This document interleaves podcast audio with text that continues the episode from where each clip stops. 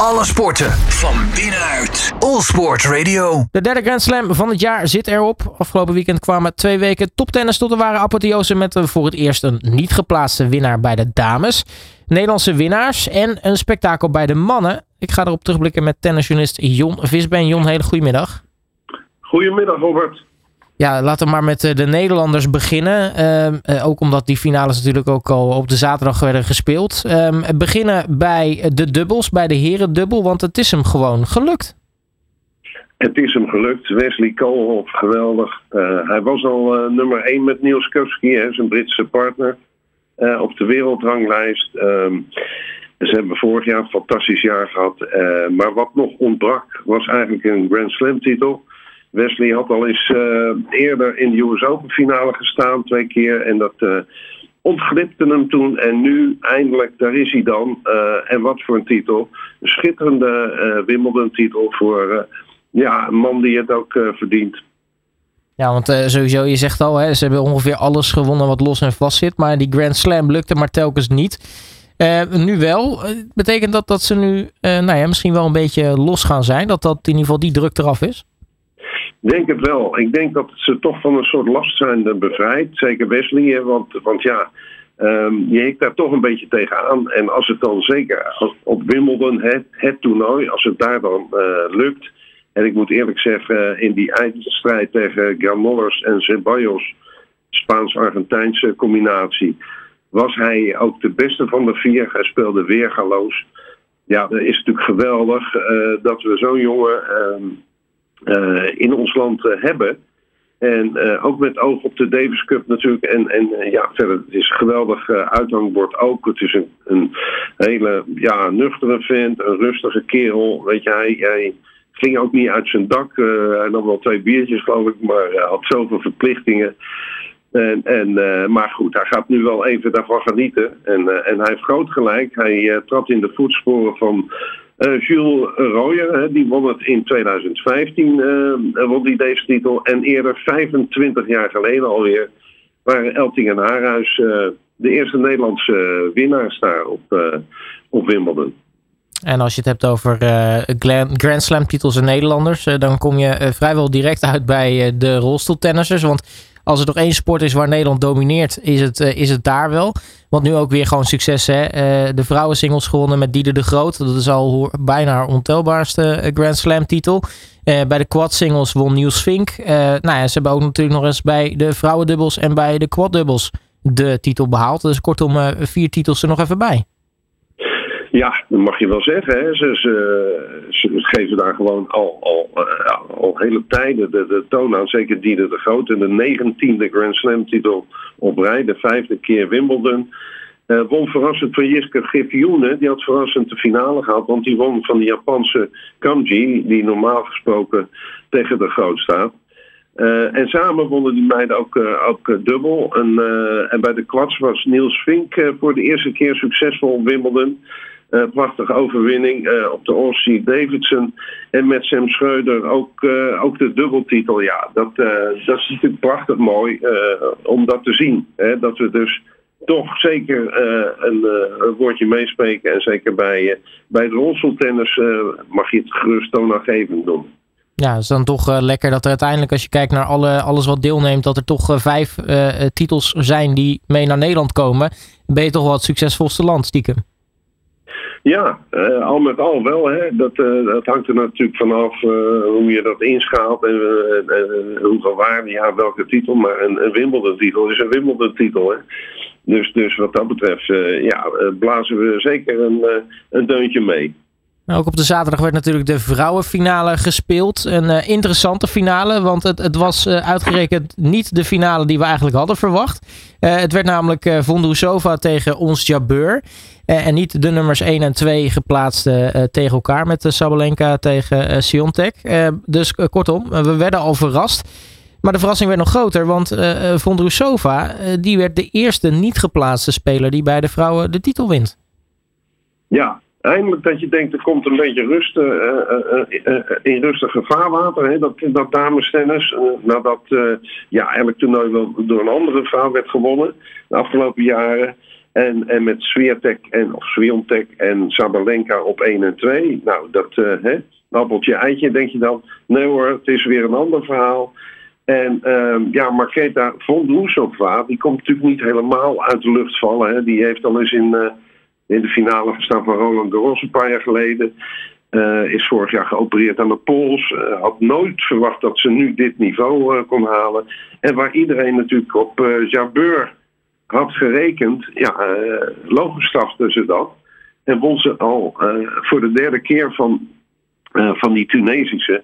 Die eigenlijk ja, gemaakt lijkt voor dat gras met, met prachtig touchtennis. Hè, wat we van Federer ook een beetje, een beetje erg kenden. Maar dat heeft zij ook. En, maar ze kwam er gewoon niet aan. Dus uh, het resultaat voor uh, Von Drusova is dat ze uh, onge van ongeplaatst, hè, ook in het toernooi, op de 42e plaats van de ranking, en nu de top 10 in knalt. Dus dat is nogal wat voor, voor haar. Prachtig, prachtige overwinning. Maar dat is wel echt een flinke stijging op de wereldranglijst. Dan zitten ze dus echt ontiegelijk dicht bij elkaar.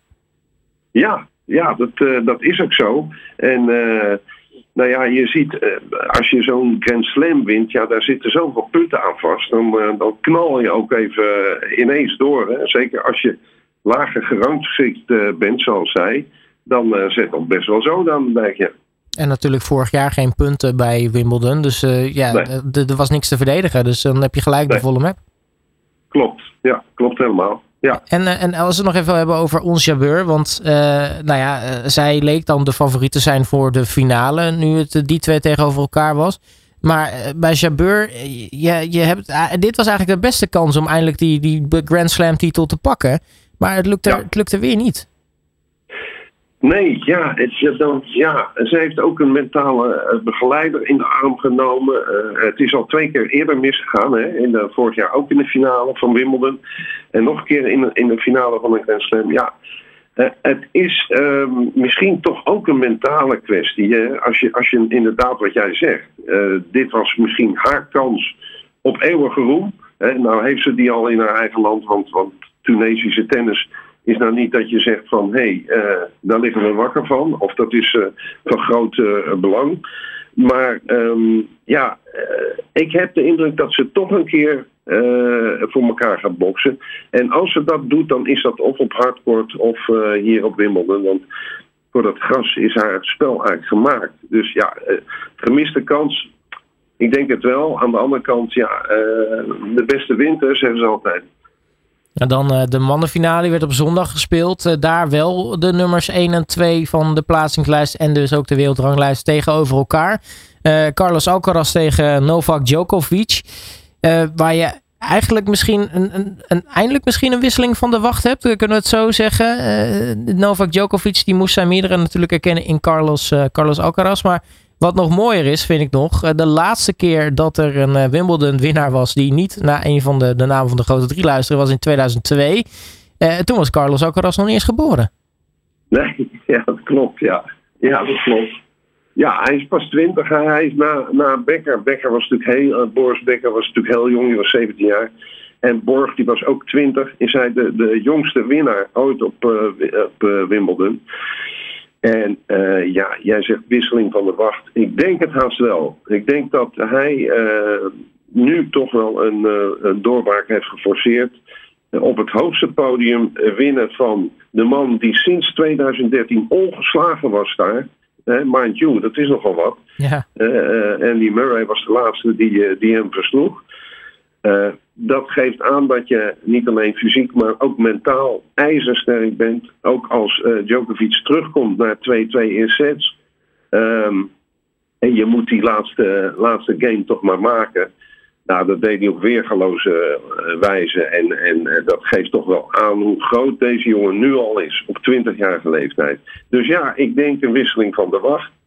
Uh, want in zijn kielzocht komen er nog een paar aan. Hè. Eh, die Holger Rune uh, is een jongen om op te letten. Uh, Yannick Sinner. en zo zijn er nog een paar die dat tennisniveau toch weer opkrikken. Alhoewel met Djokovic, petje af, ik bedoel toch een vijfzetter, weet je natuurlijk nooit. En, en die is nog zeker nog niet afgeschreven.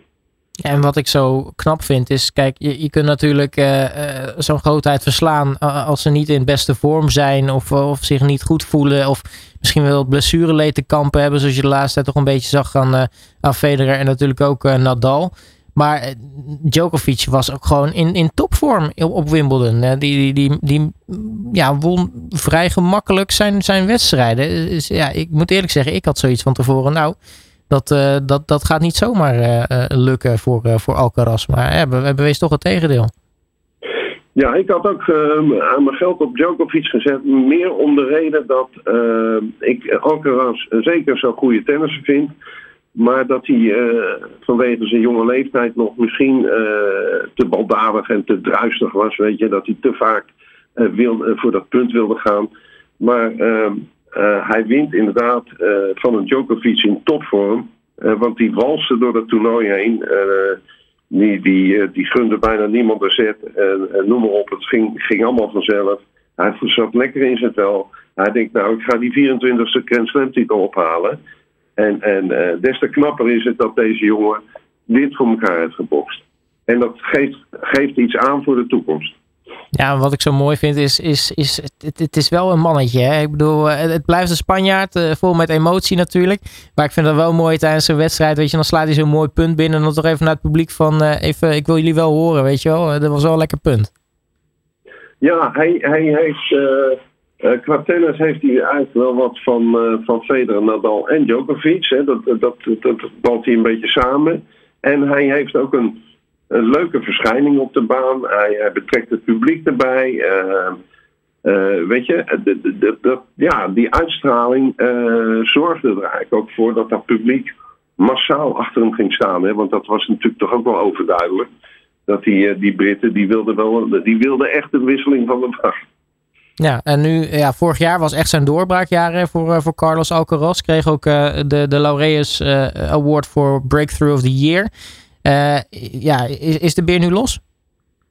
Ja, beer is los. Jazeker. Kijk, op, op, op Roland Garros ging het nog mis. Hè. Toen, toen kampte hij met een blessure, stond hij 1-1 uh, eh, tegen, uh, tegen Djokovic. En, en moest hij, ja, moest hij opgeven, zeg maar. Moest het laten gaan. Maar ja, nee, die beer is nu helemaal los. En wat ik zeg, die, die, die Rune is een, een week jonger, geloof of ouder. Nou, die komt ook. Sinner komt eraan, Musetti. Er zijn er nog een paar van die lichting. En uh, ja, die zien nu ook hè, dat, dat ook Djokovic in topvorm niet onverslaanbaar is. Dus ja, die putten daar ook weer een beetje moed uit. En, uh, en, en, daarom zie ik wel nu toch eindelijk die, uh, ik, met alle respect voor Nadal en Djokovic en Nadal, keert misschien nog terug. Maar ik denk dat hij ook dit niveau niet meer aan kan. Nou, moesten, hij moest even op gang komen, Wimbledon. Maar volgens mij hebben we uiteindelijk een fantastisch toernooi gezien. En met uh, nou ja, twee prachtige winnaars. Meer dan twee prachtige winnaars. Want eigenlijk zijn er nog veel en veel meer uh, categorieën gespeeld natuurlijk. Uh, Jon Visbeen, mag ik je weer hartelijk danken voor je tijd. En spreek je eens natuurlijk snel weer. Alle sporten van binnenuit. All Sport Radio.